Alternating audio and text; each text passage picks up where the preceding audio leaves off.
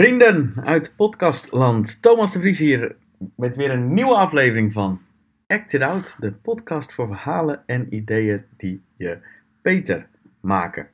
Ik ben enthousiast over het onderwerp en de gast van deze aflevering. Ik interview namelijk Merel van der Woude over onderhandelen. Merel is uh, onderhandelcoach voor vrouwen. Mannen, no worries. Ze helpt ook mannen. En wat ze vertelt is ook uh, voor jullie interessant. Wat ik vooral tof vond aan Merel en aan het gesprek is de geen gelulhouding van haar in haar manier van onderhandelen. Ik vind onderhandelen sowieso een tof onderwerp, omdat we het allemaal wat ingewikkeld lijken te vinden. Maar het ook veel kan opleveren als je het uh, goed doet. Het is gewoon een spel dat je kunt winnen en daar hou ik wel van, zeg maar.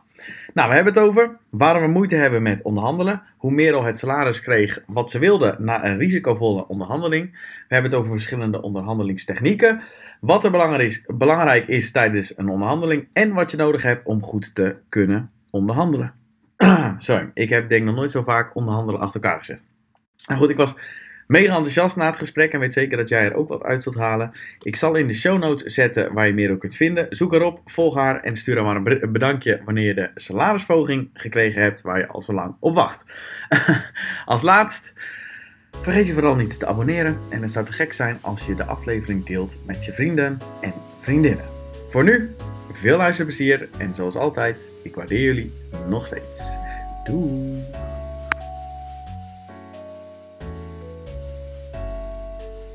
Ik vind het een uh, heel interessant onderwerp, onderhandelen. En we gaan er zo de diepte in, omdat Ja. ik veel vragen aan je heb. Ja, Maar de, de eerste vraag die me opkwam was, waarom hebben mensen er zoveel moeite mee met onderhandelen?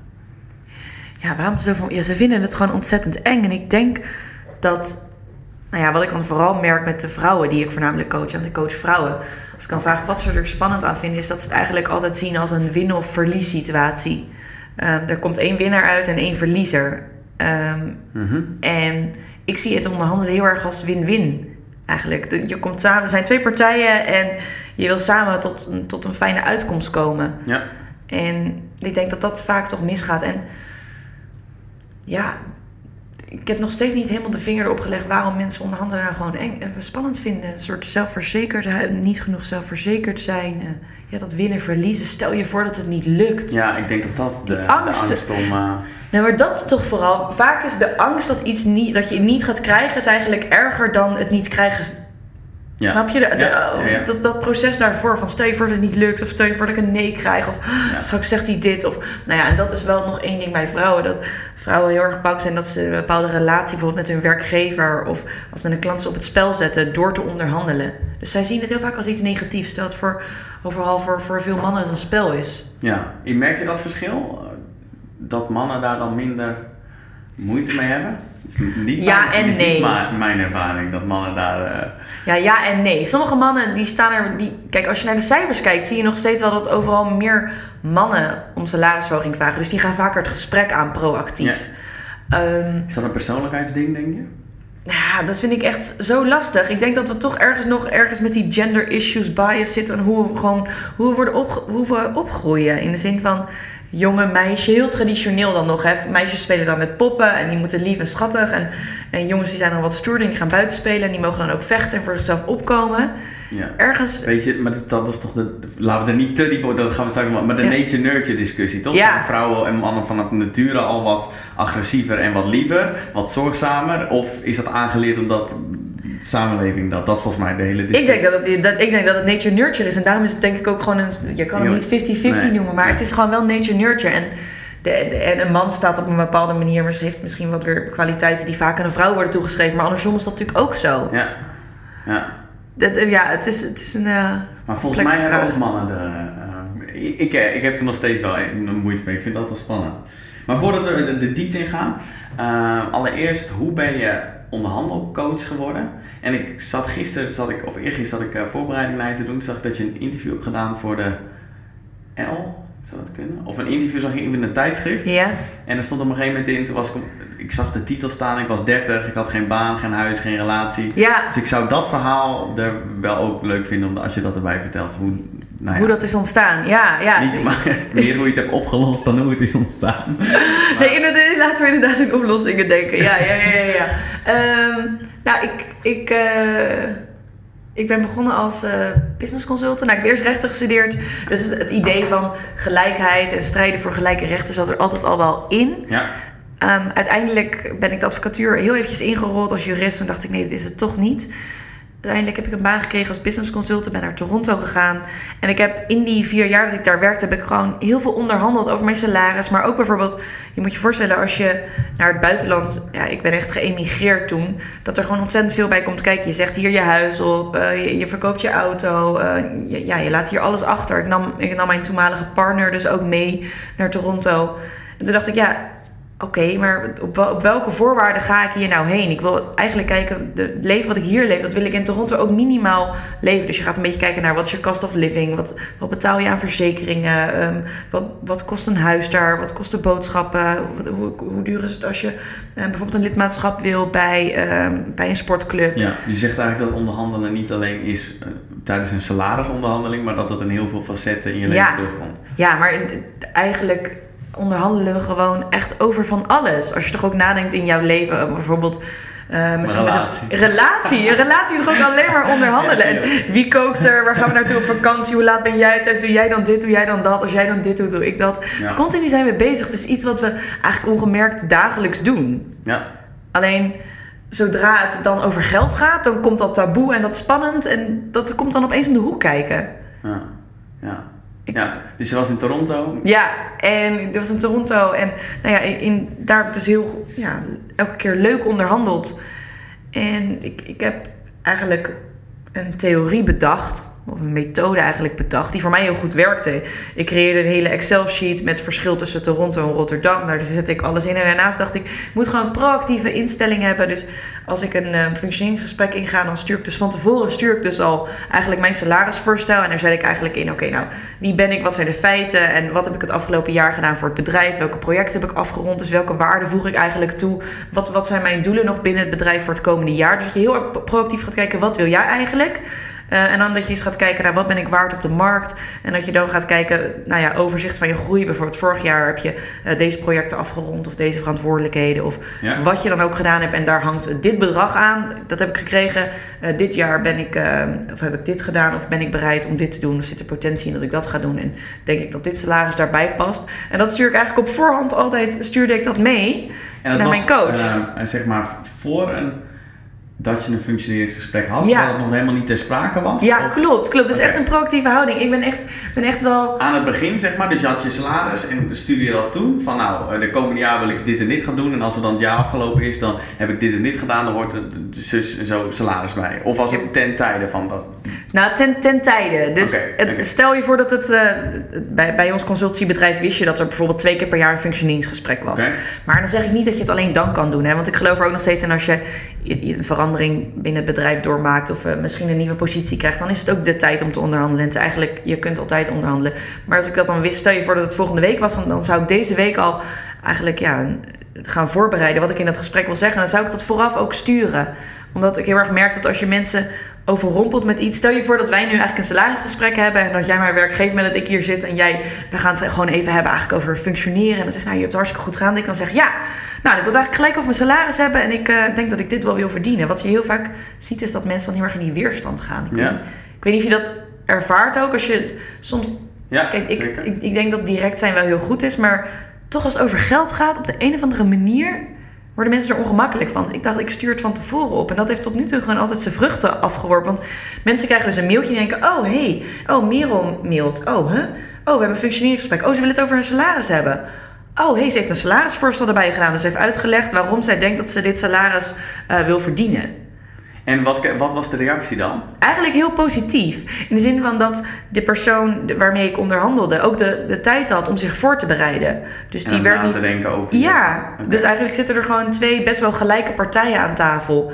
Ja. Um, en hoe ging dat dan?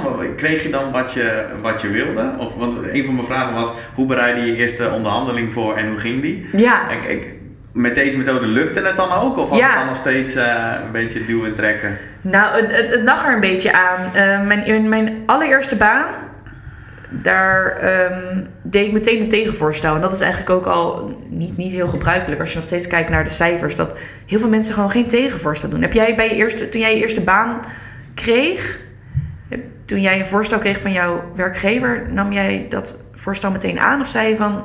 Nee, ik heb uh, een tegenvoorstel gedaan. Jij hebt een tegenvoorstel ja. gedaan? Ja. ja. Ik, heb, ik heb Chris Vos gelezen. Ja, Die, ja, ja, ja. Daar gaan we het zo nog wel over hebben. Ja, Never Split the Difference. Ja.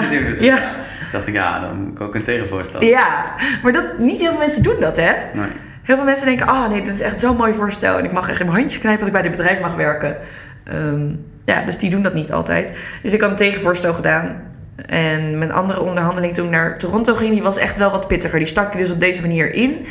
En toen zei mijn coach, ja, maar wat jij nu wil voor, voor naar het um, salaris wat jij wil om naar Toronto te gaan, dat kan ik je niet geven. Ik heb die onderhandelruimte niet. Toen dacht ik, oh, heb jij een bepaalde onderhandelruimte? Toen zei hij, ja, ik heb tot hier gekregen en niet verder. Toen zei ik, ja, maar voor mij is dit een hele belangrijke beslissing en naar het buitenland verhuizen. Dus ik wil eigenlijk met iemand onderhandelen die meer onderhandelruimte heeft. En toen zei hij, ja, ik weet niet of je dat moet willen, want het is dan de CEO. En toen zei ik, nou, ik denk dat ik het wel moet willen, aangezien ik met mijn, met mijn toenmalige vriend, ik zeg hier alles in Nederland op en wij verhuizen naar het buitenland. Dus ik denk dat ik dat wel moet willen.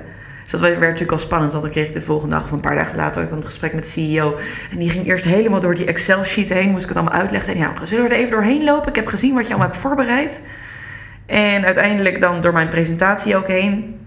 Maar ook hij zei uiteindelijk van helaas, um, dit kunnen we je gewoon niet geven. En ik weet nog zo goed dat hij toen zei: I think our ways have to part. Van, het gaat hem gewoon niet worden. En ik, moet ook, ik weet ook eerlijk gezegd niet meer hoe dat gesprek is geëindigd. Maar ik weet wel dat ik dacht: oké, okay, ik heb een heel goed voorstel gedaan. Het is super eerlijk. Het is, ik weet dat ik dit gewoon waar ben en dat ik dit zou moeten krijgen. En mijn plan B was dan om niet, ja, eigenlijk niet te gaan. En dan misschien waarschijnlijk maar mijn baan te verliezen. Dus dacht ja, dan moet ik nu ook voet bij stuk houden. Als, als je echt in jezelf gelooft en als je in je eigen waarde gelooft, dan moet je dat zo communiceren. Ik weet dus niet hoe het is gebeurd, maar we hebben opgehangen. En ik dacht dus dat hij binnen een half uur terugbelde. Nu hoorde ik van mijn ex-vriend uh, laatst dat hij binnen twee dagen terugbelde. Dat denk ik eigenlijk niet. Ik denk niet dat ik er twee dagen mee had kunnen rondlopen. Maar uiteindelijk belde de CEO terug en hij zei: Ik heb er nog eens over nagedacht over je voorstel. Um, als we het nou op deze manier insteken. En dat was eigenlijk zo dat dan de bonus die niet, um, die niet gegarandeerd was, die vast, eigenlijk die vast zat aan hoeveel uren je op een project zat. Als, als wij die nou garanderen en dan doen we in plaats van die 100%, zetten we hem op 75%, krijg je hem gegarandeerd.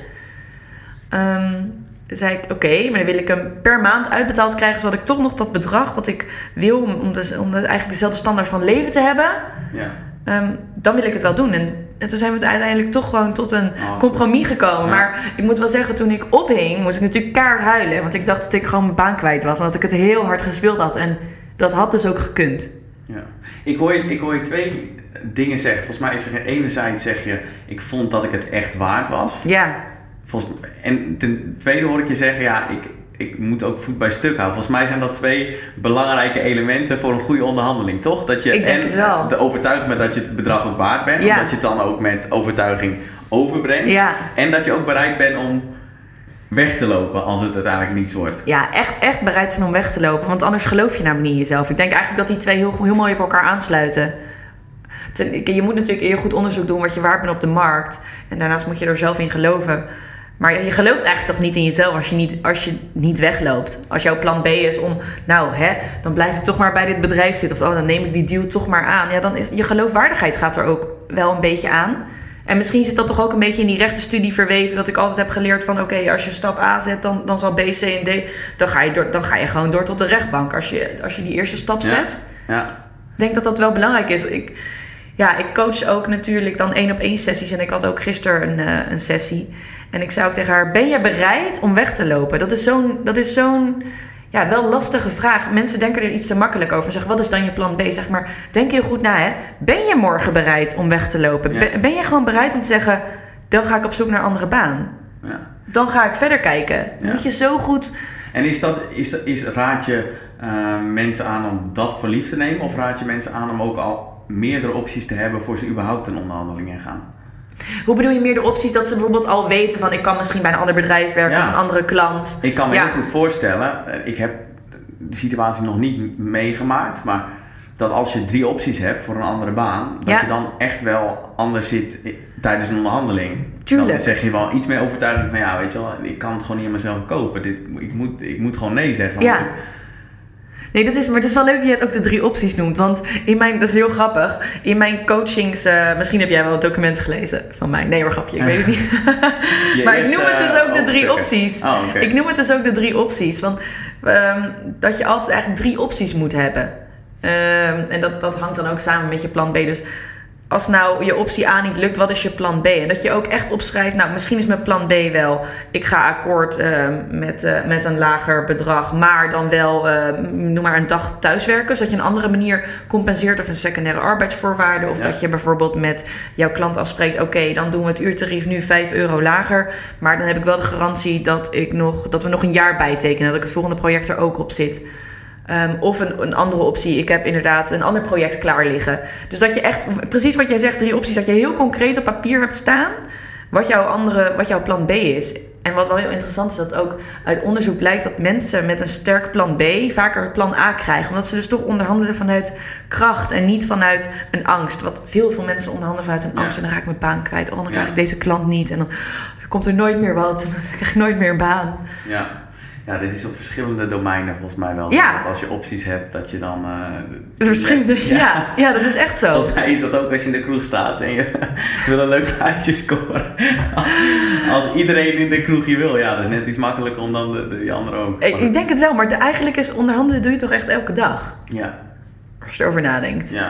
Ik weet niet of het gezond is om in een relatie iedere moment Te onderhandelen. Ja, Nee, te Nee, nee. Wil je dit niet? Ja, dan moet ik toch echt zeggen. dat- Nee, dat is waar. Maar toch ook weer wel. Er zijn toch wel, je hebt toch bepaalde normen en waarden waar je voor Ja, staat. En die, die, 100%. kijk, die normen en waarden zitten niet alleen in, in jouw business, maar die zitten in, in jouw relatie. Die zitten in jou als persoon. Weet je? Ik heb bijvoorbeeld integriteit, die staat bij mij heel hoog. En vrijheid staat heel hoog en integriteit. En dan heb ik bijvoorbeeld geluk staat dan weer een paar trappen lager dan bijvoorbeeld integriteit. Want ik zou nooit iets kunnen doen of geld kunnen verdienen als ik niet integer ben. Dat zit gewoon zo in mij. Ik zou er niet kunnen liegen of iets kunnen doen. Dus dat, weet je dat, dat wat in Ja, onderhandelen relatie zit. is, moet je ook, denk wel, is het ook goed om daadwerkelijk bereid zijn om weg te lopen als Ja. het over, die, over je principes heen gaat. Ja. Dus als iemand, ja, daar ben ik mee eens. Daar ben ik mee eens. Dus, Ja. Maar tuurlijk is dat veel verder dan, oké, jij wil geen hagelslag. Dan, Dan. dan, dan, ga, dan ga ik nu.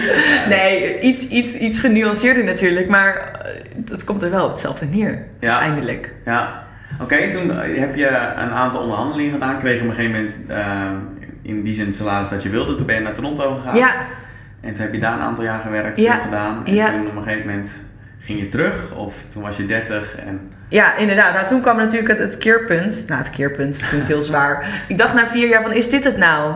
Is dit nou gewoon het leven? En ik zat dan echt, ik schets het natuurlijk heel kort door de bocht. Dan zat ik in van die grijze cubicles in de bankenwereld. Echt gewoon in, in business district in Toronto. En werkte hier voor ja, gewoon grote, grote bedrijven. En dacht ik, is dit nou het leven? Word ik hier nou heel erg blij van? Dacht, nee, dat word ik eigenlijk niet. Ehm, dus toen ben ik terug naar Nederland gegaan. En ehm, mijn partner is toen ook meegegaan. En ja, we hadden natuurlijk ook niks meer in Nederland. Maar ik wist wel één ding zeker. Ik kreeg al een aantal baanaanbiedingen ook in Toronto. Maar dat was echt allemaal in de bankensector. En eigenlijk helemaal niet wat ik wilde. Ik dacht, ik moet heel even nadenken wat ik nou wil.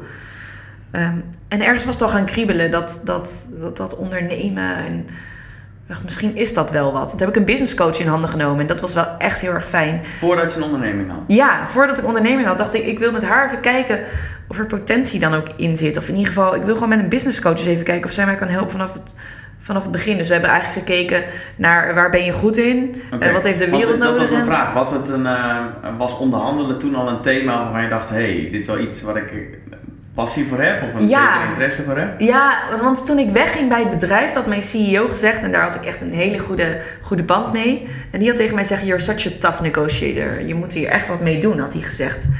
En ik had ook al wel vriendinnen die mij dan belden als ze gingen onderhandelen over geld. Van, oh, hoe heb jij dat dan gedaan? Dus gaandeweg was dat wel ontstaan. En ik weet ook altijd dat, ik weet niet, als, als er iets was en we kwamen misschien zelfs niet een club binnen, ik noem maar wat. En dan, nee, ik ga wat bedenken, dacht ik altijd. Nee, maar ik ga wel, ik zie altijd overal oplossingen en mogelijkheden. Dus, Waar ehm, komt dat vandaan, denk je? ja, dat zit toch ergens. ehm, dat zit er denk ik gewoon in. Ja, Ja, als je hoor, je legde net uit hoe je dat deed met die salaris onder hand, dat je dat al proactief opstuurde. dacht ik, ja, er zit ook wel een zekere brutaliteit in, of zo, die wel goed is bij het onderhandelen. Volgens Ja. mij, is dat je rechten studeren of zit dat gewoon in... eh, ik denk. Nature. ehm, Oh, je- die nature nurture vragen blijven terugkomen, hè? ik, denk, ik, ik denk dat het aan de ene kant heel erg in mij zit. Ja. Eh, aan de andere kant denk ik dat ik het ook heel erg geleerd heb op, ehm, ja, tijdens mijn rechtenstudie. Mijn vader, mijn vader is advocaat, dus daar, dat idee van strijden voor wat je waard bent, voor gelijkheid, eh, integriteit. Ik moet wel zeggen dat dat natuurlijk het zwaar overeenkomt met de persoon die ik nu ben geworden. En, maar ja, uiteindelijk zijn we natuurlijk alsnog ook weer natuurlijk 50-50 in procent eh, een product van onze ouders. Plus die nurture natuurlijk dan ook een Ja, beetje nog ja. Ehm, Oké, maar onderhandelen was wel een dingetje wat al... Ja. Ze hebben die business coach in handen genomen. Ja. En toen hebben jullie gekeken, nou volgens mij die driehoek hoorde ik al. Ja. Wat kun je goed, wat wil de wereld en ja, inderdaad, die. Ja. En wat ik dan, ja, daar kwam onderhandelen uit. Grappig. En dat voelde eigenlijk meteen wel heel goed. Maar weet je wat zo grappig is? Ik heb ook nog nagedacht om het de confidence code te noemen. Oh, misschien moet ik dat helemaal niet zeggen natuurlijk. Zeg gewoon zo'n goede naam. Ja, de- sorry, de... De confidence code. Oké, cool. Omdat, ik, ik, heb, ik heb mijn bedrijf eerst in het Engels opgezet. Eh, omdat een heel groot deel... Ja, een heel groot deel toch zelfverzekerdheid. Eigenlijk het in, je, in jezelf geloven, in je, in, je, in je waarde geloven. Want ik kan wel, ik kan je al de tools geven, ik kan je alle strategieën vertellen, ik kan je successtories vertellen, ik kan je, ik kan je fuck-ups vertellen. Maar ja, zolang jij niet in jezelf gelooft, ja, laat dan maar eens een ander in jouw waarde geloven. Da- daar begint het gewoon. Dus zo'n groot deel is gewoon zelfverzekerdheid. En ik denk wel dat zelfverzekerdheid ook komt door bepaalde voorbereiding. Ja. ja. Ja, ik vind zelfverzekerdheid vind ik een ingewikkeld thema. Ja. Het is, het is zo ongrijpbaar en Ja. het is ook niet echt aan te leren. Het- je kunt het door heel veel dingen krijgen en ook door heel veel dingen verliezen. Ik vind het altijd wel ingewikkeld. Maar ik ben het er 100% mee eens. Als je, Zou je het niet kunnen leren? Zelfverzekerdheid, denk jij? nou, volgens mij is er niet één weg van nou doe dit en dan krijg je zelfvertrouwen van. Nee. Ik denk uiteindelijk dat het ook heel veel doen is. En, en ja. Hoe doe jij het? Wat- Ja, dat- wat- ja, ik- coach je mensen om zelfvertrouwen te krijgen? Nou, wat ik voornamelijk doe dan in die één op één coaching is echt even dieper ingaan met, met de vrouwen die je coach. Van wat doe je nou eigenlijk op je werk? Wat ik heel vaak zie is dat ze eigenlijk helemaal niet heel erg doorhebben wat ze nou voor kwaliteiten hebben. Oh, maar ik, ja, oh ja, ik heb ook nog eh, die ene sectie opgezet binnen kantoor. Ah, ja. En eh, ze beseffen eigenlijk helemaal niet hoeveel ze eigenlijk doen. Dus ik probeer ze te laten zien dat ze heel veel doen. Of gisteren eh, zei een van mijn coaches dan... Ja, en dan wil ik natuurlijk... Ja, ik wil wel een beetje weten of er potentie voor mij binnen dit bedrijf zit qua groei. Zei ik, nou, ik zou het omdraaien. Ik zou eens even zeggen, wil, wil jij hier groeien? En wat denk jij dat de mogelijkheden zijn? En die leg je dan aan jouw baas voor. Het is continu eigenlijk het, het omdraaien. Dus waar mensen continu zeggen, ja, maar nee, dat kan niet, want... Ja, dan zou ik hem omdraaien vanuit, vanuit jouw krachten, denk Ja, ik. Ik tuurlijk. ik. Ik weet Ja. eigenlijk niet zo heel goed hoe ik... Maar op zich in Ja. deze context snap ik dat wel. Dat mensen misschien van nature, of wij, niet nadenken over wat we allemaal voor waarde leveren. Dat denk ik Maar echt. dat we heel blij zijn dat we bij een bedrijf werken en dat ze salaris overmaken. Maar dat het natuurlijk wel gewoon echt een wisselwerking is. En Ja, volgens mij doen we van nature ook onze eigen prestaties wat minder hoog inschatten dan anderen. Dus daarom schat je jezelf sowieso al lager in. Dus ik vind dit wel een logische. Dat als je op een gegeven moment beseft van oké, ik heb in het afgelopen jaar dit, dit, dit, dit, dit, dit, dit gedaan. Ja, daar hoort ook gewoon echt een tegenprestatie Ja. eh, tegenover. Want, toch? Ja, dus dat, dat is de manier die ik gebruik inderdaad voor, voor mijn coaches. En ja, want jij, jij zat natuurlijk in die, in die health en fit branche. ja. Daar is het natuurlijk ook heel meetbaar, toch? Eigenlijk je voeding, eh, je, je proces is Ja. meetbaar. Waarschijnlijk krijg je er ook zelfverzekerd. Ja. Word je er ook zelfverzekerd door... ja, je krijgt wel vertrouwen van progressie. Ja. Alleen hier is het traject tot onderhandeling zie je echt niet echt progressie. Misschien een gevoel van vertrouwen, maar Ja, ik denk dat het gevoel van vertrouwen, dat dat ook wel een hele belangrijke is. Ja, hoe geef je die inderdaad, met, met die business die jij had, dat is dan meer meetbaar. Aan de andere kant, stel je voor dat je een werknemer bent en jij, ehm, jij doet marktonderzoek naar, naar wat, wat de waarde is op jouw markt. Dat is eigenlijk ook wel, ja, het zijn objectieve feiten, objectieve criteria, het staat best wel vast. ja. Ik bedoel, ehm, kijk, we kunnen niks anders zeggen, ik noem maar wat, hè, dan dat een eh, business consultant in Rotterdam eh, met vijf jaar ervaring, ik noem maar wat, 3500 euro eh, gemiddeld verdient met een eh WO-opleiding en één, één iemand onder zich. ja. Daar kan niemand omheen. Dus in die zin geeft dat, ja, Ja, gaan we het zo nog even over argumenten in een, eh, in een onderhandeling. Ja. Ik vind ik ook echt een mega interessant dat het gewoon een soort van dans is. Ehm, drie korte ehm, methodes die kort met je aanstippen, of je daar meer over wil vertellen. Ja. Ik denk ook dat het goed is en interessant voor luisteraars om een beetje praktisch te worden. Ja. Ik heb er drie. BATNA, Ja. de Harvard-methode en de FBI-methode. Ja. Zou je over alle drie kort wat kunnen vertellen? Wat ze precies inhouden? Ja. en- Ja, die BATNA hebben we het net al eigenlijk over gehad. Want BATNA staat voor Best Alternative to a Negotiated Agreement. Dus welk alternatief heb je als je geen contract hebt? Dat is dus eigenlijk gewoon je plan B. Oké. Waar we het net over hadden. Dus ehm, ja, heel kort van wat doe je als jouw plan A niet lukt? En maak dat heel concreet. Dus zeg bijvoorbeeld, ehm, ik, ik, ehm, ik, dat betekent ik, ik sluit de deal niet. Ik heb een andere baan misschien. Of ik heb eh, twee maanden even niks staan, maar in die periode ga ik eens nadenken wat ik echt wil. Of ehm, nou ja, bedenk drie opties die jij Ja. die belangrijk voor jou zijn, voor je plan B. Dus dat, dat is eigenlijk je badna. Ik gebruik Ja. hem in het, in het Engels. Ik vind hem gewoon wat lekkerder bekken, die Ja, badna, dan een En plan B. als- Ja. Ja. Oké, maar het is wel dus, en dat heeft als gevolg dat je ook rust vindt tijdens een onderhandeling. Of ook weet van jezelf van oké, als het niet werkt, dan heb Ja. ik in ieder geval een aantal opties die ik ook nog altijd kan. ja, want hoe naar is als je ergens zit en dat je dan denkt, shit, het gaat me eigenlijk niet lukken en wat dan? Ja. Je wil heel duidelijk weten, oké, nou, Ja. je krijgt dat salaris echt niet als het bijvoorbeeld over salaris gaat. Of deze deal gaat echt niet lukken met Ja. deze klant. Weet je wat het ook is? Je moet ook ruimte overhouden voor, voor klanten en voor, voor bedrijven die wel bereid zijn om die waarde te betalen. Of die waarde in jou te zien en dat ook te betalen. Dus je moet ook niet altijd bang zijn om, om nee dan te zeggen. Ja. Dus daarom is een plan B gewoon heel Ja, belangrijk. ja, en als je, volgens mij als je dat niet hebt, eh, die opties, dan ben je echt kansloos in een Ja, en zeg je waarschijnlijk ook veel sneller ja. Ja, zeg, ja, ik heb niks anders, ja. Dan doe ik het maar. ja. Heb ik ook wel eens gehad hoor, dat ik op een gegeven moment niet kreeg wat ik wil. En dat ik gewoon niet anders kon zeggen van ja, ik heb gewoon op dit moment geen andere opties. En ik Ja. ben niet bereid om nu mijn baan te verliezen. Ja, Ja. dan is het op een gegeven moment wel gewoon zaak om dan ja te zeggen. Dus dat, dat heb je ook gedaan. Maar uiteindelijk Ja. heb je dan wel aangekaart van dat, dat je binnen een paar maanden opnieuw rond de tafel wilde? Of heb jij dat aangepakt? Ja, ik heb toen ehm, benchmarks gezet van oké, nu dit. En dan wil ik over zes maanden van nou, wat wil je dan dat ik bereikt heb? Als Ja. om dan wel over een salaris. En toen hebben ze dat gezegd. En toen nou, lukte dat wel. Maar ik had gewoon geen opties. Dus ik heb één op één meegemaakt. Ik denk ja, kut. Ik heb gewoon geen opties. Dus ik ga gewoon ja zeggen nu. Ja, Dus volgende keer die badna, die eh, ga ik sowieso doen. ja, top. Die badna is echt een aanrader. Ja.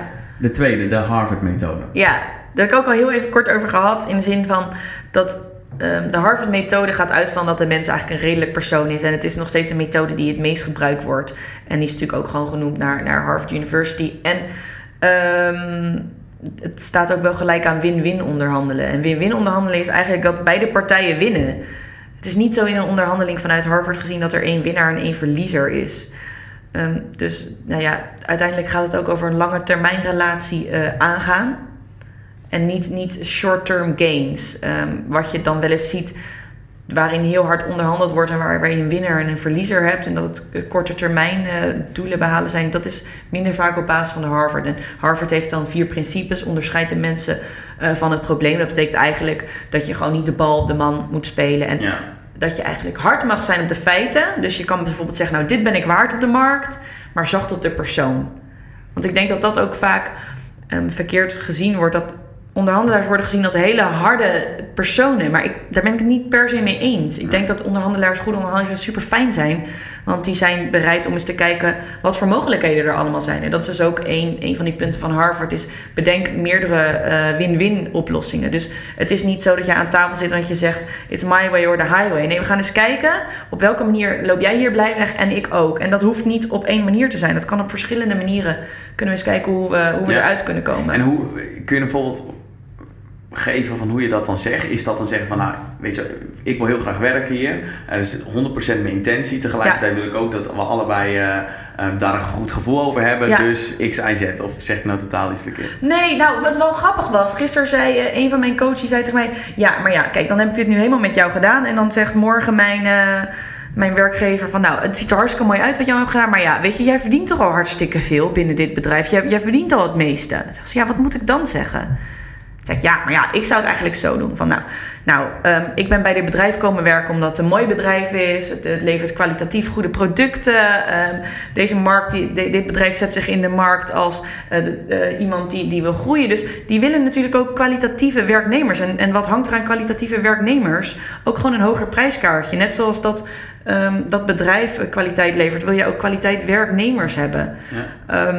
En ik denk dat zo'n de, de vraag die je dan neerlegt, of het bedrag wat je neerlegt, heel redelijk is als je het vergelijkt in de markt En als je ziet wat iemand voor, daarvoor kan betekenen. Ja, ja, grappig.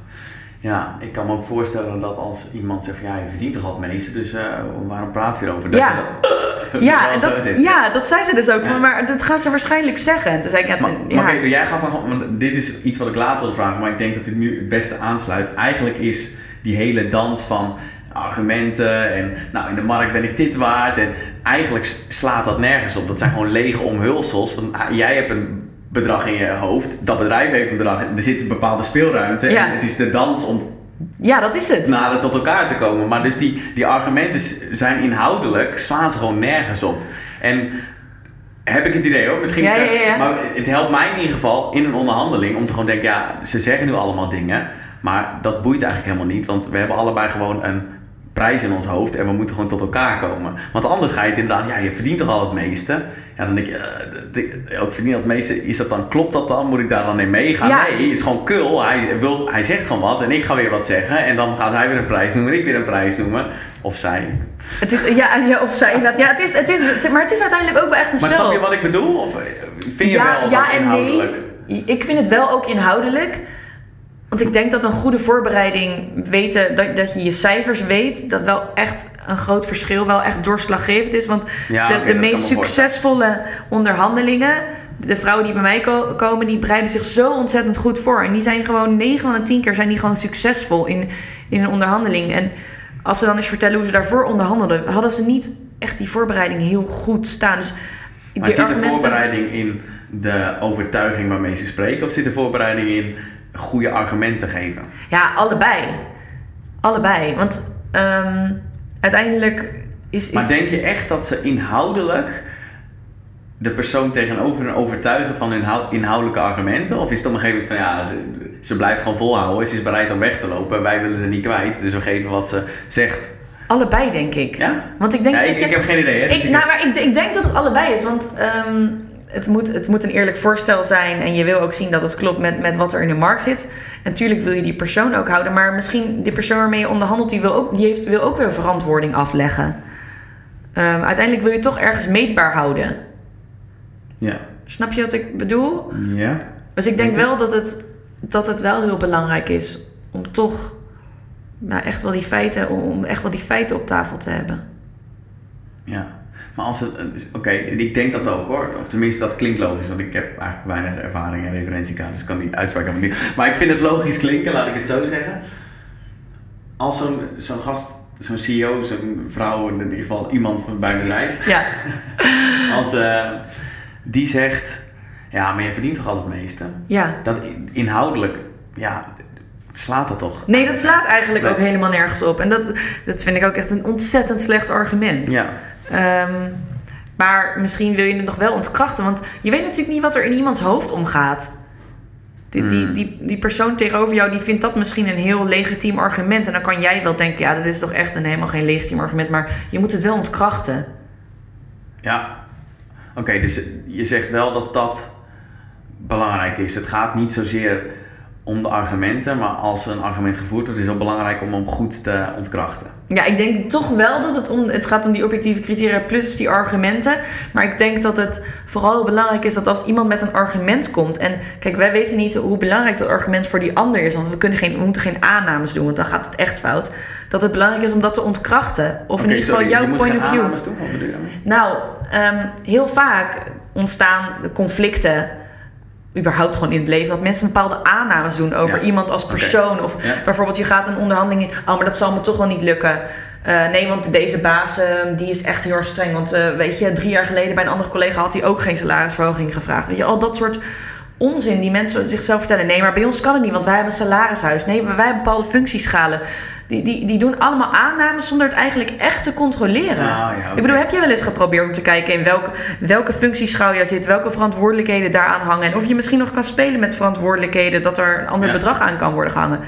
Nee, En als dat, niemand speelt aannames daarmee. zijn, als dat aannames zijn die je niet echt helpen, dan maakt ook dat je anders een onderhandeling ingaat. Als je denkt van ja, die is geen ruimte en dat doen ze nooit binnen het bedrijf, ja, dan ben je ook kansloos. Ja, en, en het is, die aannames hangen ook weer toch samen met een soort van verwachtingsmanagement. Kijk, jij hebt misschien bepaalde verwachtingen van het gesprek dat wij nu voeren en ik ook.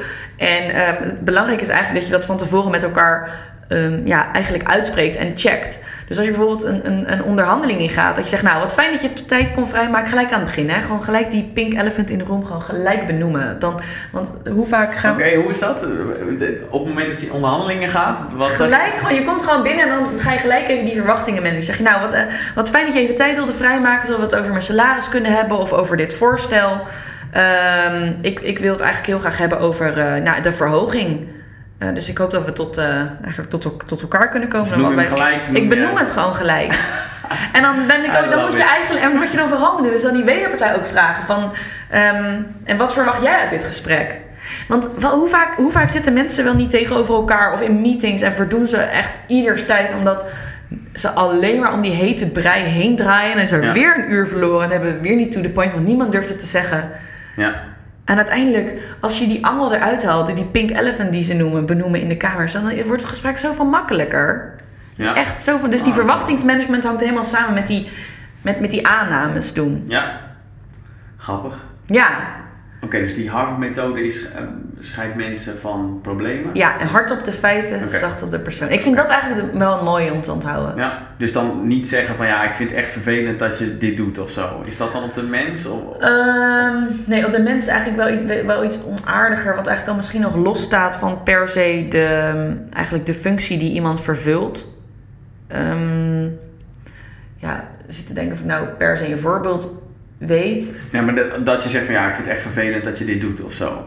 Nee, je Meer mag, weet het is je, echt kut dat je dit doet. Of Ja. waarom doe je zo, waarom, doe je, waarom eh, we geven geen ruimte of zo? Waarom eh, vind je hem niet aardig of zo? Is dat dan... Nou, dat, ja, nou, een klein beetje is dat wel op de persoon spelen. Maar hoe ik het. Ik, ik vind, ben ook wel voorstander van wel uitspreken wat iets met je doet als een ander dat tegen jou zegt. Dus dat je bijvoorbeeld zegt. ehm, ehm, nou, even denken hoor. Stel je voor dat iemand eh, het, het gesprek heel erg naar ingaat. Dat je bijvoorbeeld zegt, nou, de manier waarop jij tegen mij praat, dat, dat, daar voel ik me eigenlijk manier. een beetje Ah, ongemakkelijk bij. Ja. Ehm, en in de zin dat dat, dat dat safe is om te zeggen, omdat dat jouw gevoel en jouw ervaring is. Dus daar kan die andere persoon eigenlijk niet per se tegen ingaan. Ja. In plaats van dat jij zegt, je hebt zo'n agressieve houding, Ja, bijvoorbeeld. Ja, dus gewoon vanuit je gevoel praten, niet... eh, Ja, en vanuit jezelf. Ja, ja vanuit Ja, jezelf. cool. Ja. cool. En de tweede is volgens mij over belangen. Ja. Focus je op... Eh, Focus je, ja, richt je, ja, richt je op de belangen. Want heel, heel vaak nemen mensen een bepaald standpunt in. Maar daar spelen bepaalde belangen bij. En als je niet dus goed doorvraagt, wat natuurlijk eh, onderhanden is alleen maar communiceren, invloed uitoefenen om te krijgen wat je wil. Als je dus niet goed begrijpt eigenlijk wat voor standpunt iemand inneemt, welke belangen erachter spelen, dan, is, dan heb je misschien. Ja, dan, eh, dan ben je aan het onderhandelen over iets waar, wat eigenlijk heel iets anders zou kunnen zijn. Ik geef wel vaak dat voorbeeld. Dus oh ja, ik wilde net een voorbeeld vragen. Oh, je wilde voor ja. Nou, ik geef vaak het voorbeeld. Stel je voor, hè, werkgever, werknemer, doe ik even. Dit is een eh, best wel een goede werknemer. Die werkt 40 uur. En die gaat dan naar die baas en die zegt: Ik wil graag 36 uur gaan werken, vier, eh, vier dagen. En die baas denkt: Ah shit, ik wil die werknemer eigenlijk helemaal niet kwijt. Maar het standpunt van die werknemer is: Ik wil minder gaan werken. Maar als de werkgever dan doorvraagt. Nou, wa- waarom? Waarom? Wat, weet je, waarom wil je eigenlijk minder werken? Dan kan bijvoorbeeld het antwoord zijn: eh, Nou, ik wil eh, misschien op de vrijdagmiddag wil ik eh, mijn kinderen uit school halen. Ehm, en de, dat is misschien om de week, maar ja, dan kan ik natuurlijk niet meer 40 uur gaan werken. En dat die werkgever zegt: Nou, dat kan misschien wel. Eh, dan als we, wat als je nou die 4 uur gewoon eh, door de week thuis nog inhaalt? Dan kan je gewoon 40 uur blijven, we- blijven werken. Dan heb jij je 40 uur, dan kan je toch die kinderen uit school halen. En heb ik gewoon nog die goede werknemer voor mij werken. Ja. ja. Dat is een voorbeeld. En is dat iets ook wat ehm, je, je coaches, noem je ze? Ja, ik noem ze mijn coaches, ja. Oh, die, dat je dat ook hun aanraadt om in een onderhandeling door te vragen. Van als, een, iemand, als de persoon tegenover een bepaald standpunt inneemt, zegt van nou, vraag gewoon eens door van wat zit er eigenlijk achter. Ja, zeker. Ik denk dat het echt puur op, op, op duidelijke en eerlijke communicatie is. En dat openheid toch ook wel heel belangrijk is. En eh, merken, merk jij en merken zij dat dat werkt? Dat, er ook, dat de belangen erachter ook genoemd worden? Of is het ook vaak een... Het wordt natuurlijk niet altijd genoemd. Het, het, eh, dat is ook zo, da- daarom is onderhandelen ook zo leuk. Want het is zo'n grijs gebied. Het is niet allemaal zwart-wit. Je kan je helemaal voorbereiden. En opeens gaat het gesprek gewoon compleet de andere kant op. Ehm, en kan er misschien iets heel anders uitkomen. Dus ehm, ja, je hebt zoveel uitkomsten. Maar wat ik wel, ik merk wel dat, ehm, ja, dat het wel verschil dus maakt. Oké. Ja, ik kan me dat ook, heel, ook in andere situaties dan onderhandelen werkt het ook gewoon om eerst te luisteren. En Ja. gewoon eens te vragen van ja, wat maakt dat je dat vindt? Of wat maakt dat je het zo zegt? Dat, dat werkt supergoed. Maar ik vind het in, het lijkt in een onderhandeling toch ook, ook omdat het over geld gaat en zit in mijn hoofd, en ik weet niet of het waar is, of dat moeilijker gaat dan. Dus de reden achter de reden vertellen. Dat je toch wat je, hoe noem je het? De, je kaarten achterhoudt of zo. Ja, maar ik denk ook wel dat dat, dat, dat zo is. Voor, dat zodra we gaan onderhandelen over geld, dat opeens heel die, die dynamiek ook verandert. Ik, ik weet nog steeds gewoon niet wat dat Nee. is. Een soort van taboe met geld Ja, en spannend. Sowieso is geld wel een taboe, toch? Ja, Ook- wel, ja. Ja. Weet jij bijvoorbeeld wat jouw collega's verdienen? Eh, nee. Dan zou je dat willen weten? Ehm, nee. Nee? Nee. Want denk je dat iedereen redelijk of niet naar, naar functioneren betaald wordt? Of denk je dat er echt wel verschil in zit? Nou, ik niet, want ik ben veel beter dan ik ben. Nee, nee, nee, nee, ja, ik, eh, I don't know. Ja, ik, ik- nee, boeit me eigenlijk niet zo heel veel. Ook wat mijn vrienden en zo eh, eh, verdienen, ja, ik, ik vind dat niet echt een hele belangrijke maatstaf gewoon. Nee, wat vind je dan wel een belangrijke maatstaf? Dat ik plezier heb en dat ik het idee heb dat ik betaald krijg wat ik waard ben. Hoe weet je dan wat je waard bent als je het niet vergelijkt? Dat Maar ik, doe wel, eigenlijk. ik doe wel de, de, de markt bekijken Ja. en ik weet ongeveer wel wat, Ja. te betalen, maar ik, het is niet echt iets waar ik over spreek of zo, omdat ik, ja... Ja, ik ben dus wel echt fan van juist echt heel erg open daarin zijn. En ik denk dat Ja? ik Oh, twee jaar geleden heb ik ook in me de, in, in de Grazia eh, een interview gedaan. Wat, wat verdien ik? Dus dan vroegen ze me wat ik dan verdiende toen ik nog consultant was en wat ik dan verdiende toen ik net startte als ondernemer.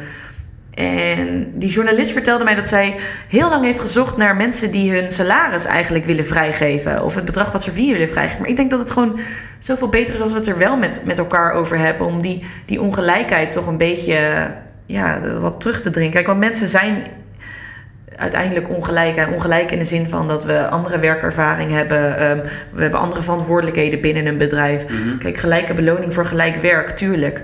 Maar hoe vaak is gelijk, gelijk werk nou?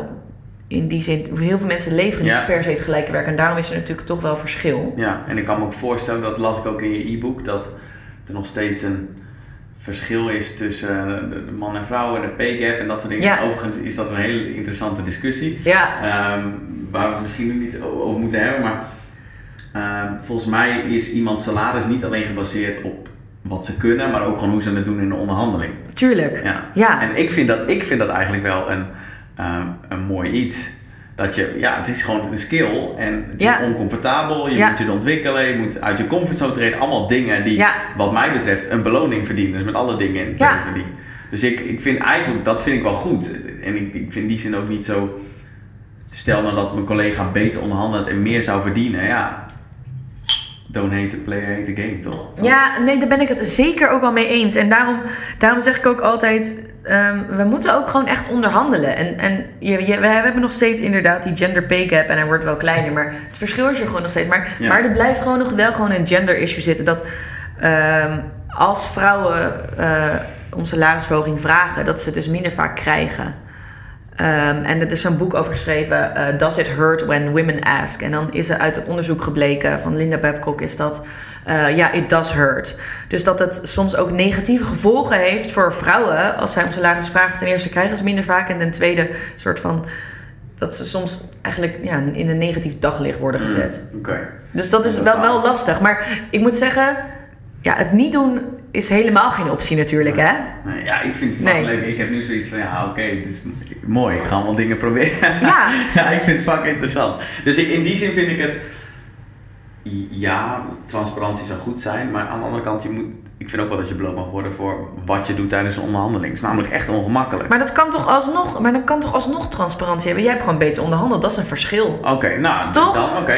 Of zeg, nou, volgens mij had Lilianne Ploemen, die wethouder, had nu een idee. ehm, er ligt een wetsvoorstel. Ik weet het niet precies hoor, dus pin me er niet op vast. Maar dat bedrijven met eh, minimaal 50 werknemers een bepaalde ehm, transparantie moeten creëren met, met betrekking tot salarissen. En dat wordt dan wel geanonimiseerd, maar wel dat je kan zien welke functie, welke opleiding, welke skills, welke aantal jaren ervaring. En dat daar een soort van label aan gehangen wordt en dat het inzichtelijk wordt. Dat is het nu helemaal niet. Want hoe lastig is het als, als iemand tegen mij zegt: Ja, eh, maar ja, eh straks zegt mijn werkgever: Je verdient het meest. Ja, waar baseert hij dat op? Want je Ja. kan het, dat, dat vind ik zo'n onaard. Ik vind het ten eerste een heel slecht argument. En ten tweede vind ik het ook gewoon helemaal niet. Je kan het helemaal niet onderzoeken. Nee. Heel onfair. Ja. Ja, en daarom denk ik ook dat heel veel van die argumenten gewoon kul zijn tijdens een onderhandeling. Het is gewoon een dans. Het is ook een dans, het is een spel, ja. Ja, ja. ja, waar je, die je beter kan spelen als je wat opties hebt. Maar onderhandelde jij als werknemer, eh, nee, als, eh, als eh, ondernemer veel? Nee. Nee, Nee, nee, heb ik niet vaak. Ehm, tijdens mijn. Ja, wel to- toen ik een gezonde ontbijtservice had, was het wel gewoon leveranciers waar we dan enigszins mee schakelden. Maar ja, toen was ik nog niet echt bezig met onderhandelen. Nee. Ik vond dat wel spannend. Ehm, ik had weinig referentiekader, dus ja, als ik een leverancier Ja. aanhaakte van wat is normaal of zo. Ja, dus ik, nee, ik heb dat niet veel gedaan. maar zo ben je natuurlijk ook gewoon gestart. Ja, en je moet ook ergens gewoon starten hoor. En, en, en je eh, learning eh, by doing, daar geloof ik ook heel erg Ja. in.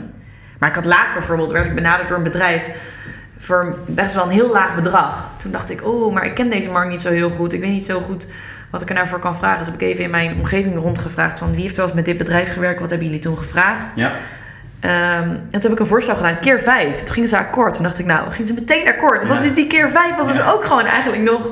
En dat is, dat is, dat is vet, maar als je het andersom hebt, dat je iets vraagt en direct krijgt, dan denk je, ja, kut, had ik misschien wat meer. Ja. Dus daarom vind ik het ook zo interessant, omdat het, het is grijs, dus je, je weet Ja. niet wat je kan krijgen, maar brutaliteit loont ook, maar ook niet te veel, want dan krijg je het niet en dan kan het mislopen. Dat, dat precies. Als je het te hoog inzet, dan kan je ook echt compleet in je vingers snijden. Maar het, is toch, het is toch ook heel erg leuk om dat te zien. Kijk, nu weet ik gewoon, dat bedrijf heeft dat budget. Vorige keer hebben ze mij dat betaald. Dan stond, weer- heb ik weer een nieuw meetpunt. Ja, En zo gaat het gewoon. ja, En weet je wat ik vooral ook denk? Ja, weet je, ik ben hartstikke blij met die klus. Ik heb hem een keer vijf gekregen. Misschien ik hem een keer zeven gekund.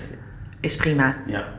Anders is dan blijf ook je maar gaan. Je, ehm, aanraadt dat, dat je op een gegeven moment een bedrag moet kiezen en zeggen van nou, als ik dit krijg, dan ben ik daar gewoon tevreden mee. Ja. En dan ook gewoon ja kunnen zeggen. Ja. En niet jezelf afvragen van had ik dan meer kunnen krijgen. En dat heb ik ook wel eens gehoord. Ik weet niet of het daarmee eens bent. Een vriend van mij zei dat toen ik in een salarisonderhandeling zat. Zei ja, Thomas, er zit wel bij elke vergoeding hoort ook een verwachting. Dus je kunt wel Ja. altijd het maximale Ja. willen, maar daar hoort ook een verwachting tegenover. Dus waardoor je dus gewoon meer moet doen en meer moet presteren. Ben je het daarmee eens? Ja?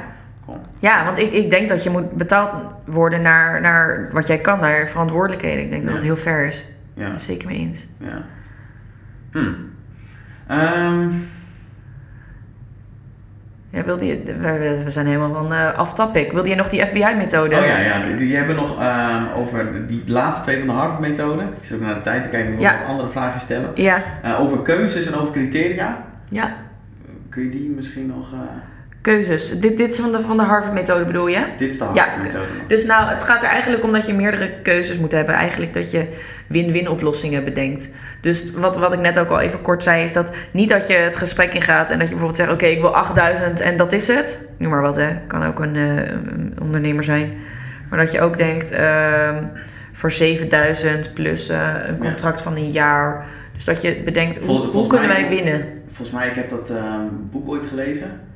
Van die Fury, Fury of zo, Fisher. Fisher, Ja. Die. En volgens mij is het dat als je in een onderhandeling gaat, of dat vaak de creativiteit naar oplossingen zoeken, dat dat minder wordt. Dus dat het juist belangrijk is om naar meerdere opties te zoeken om Ja. tot een overeenkomst. Volgens mij is dat Ja, toch? ja, ja, ja. Hij is, eh, hij is een van de oprichters van de The Negotiation Project bij Harvard. Hij heeft heel veel boeken geschreven, dus ik weet niet in welke het staat. Getting maar to Yes, geloof ik. Getting to Yes, ja. Ja. Ja, dat is een supergoed boek. Net Ja. zoals The Power of Positive No.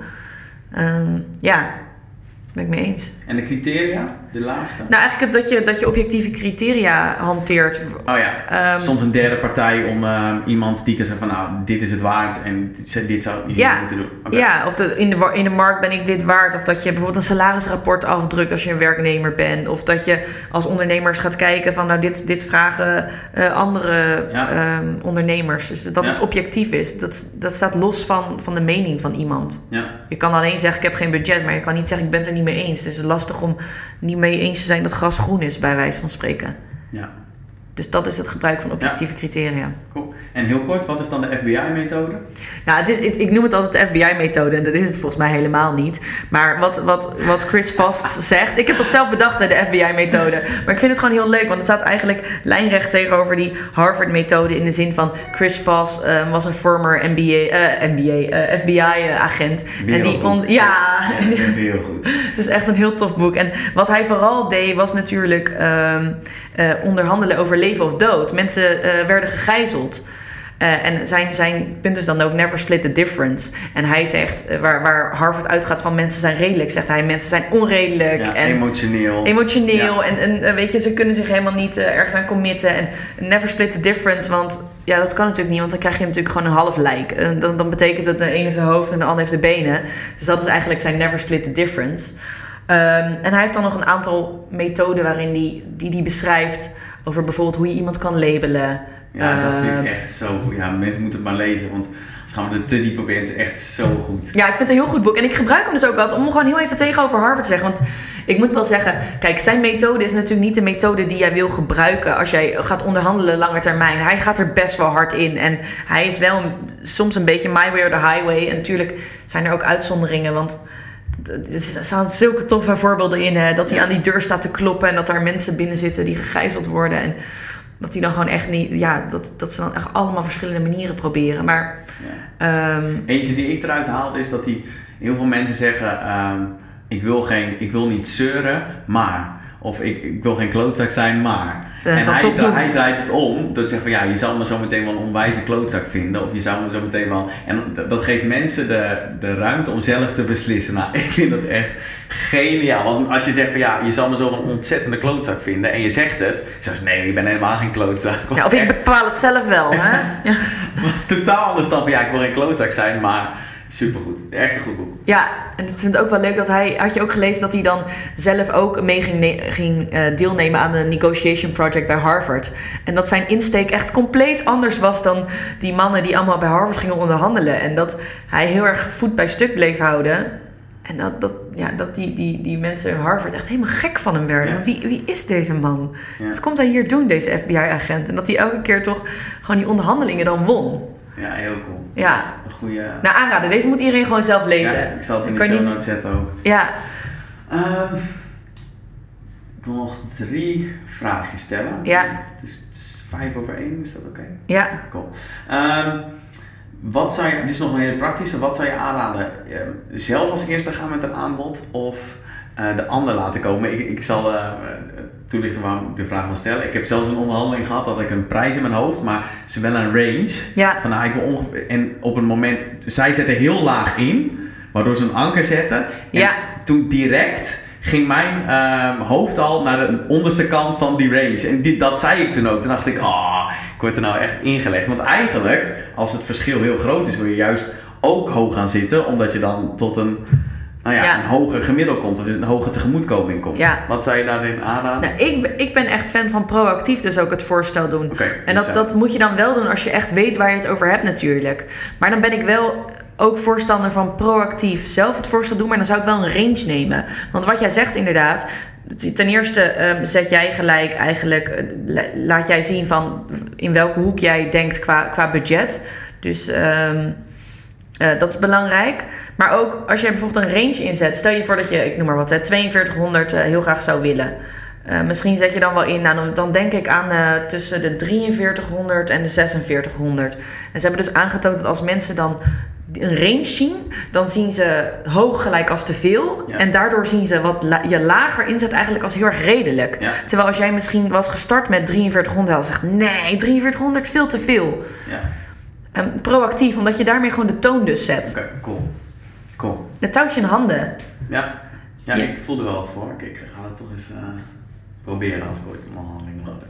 Ja, inderdaad. Jou- jouw volgende salarisonderhandelingen binnen jouw bedrijf, dan, eh, dan ga jij proactief, stuur jij misschien wel een voorstel. Ja, ik zit echt heel na te denken van, hmm, oké, dit is wel echt interessant.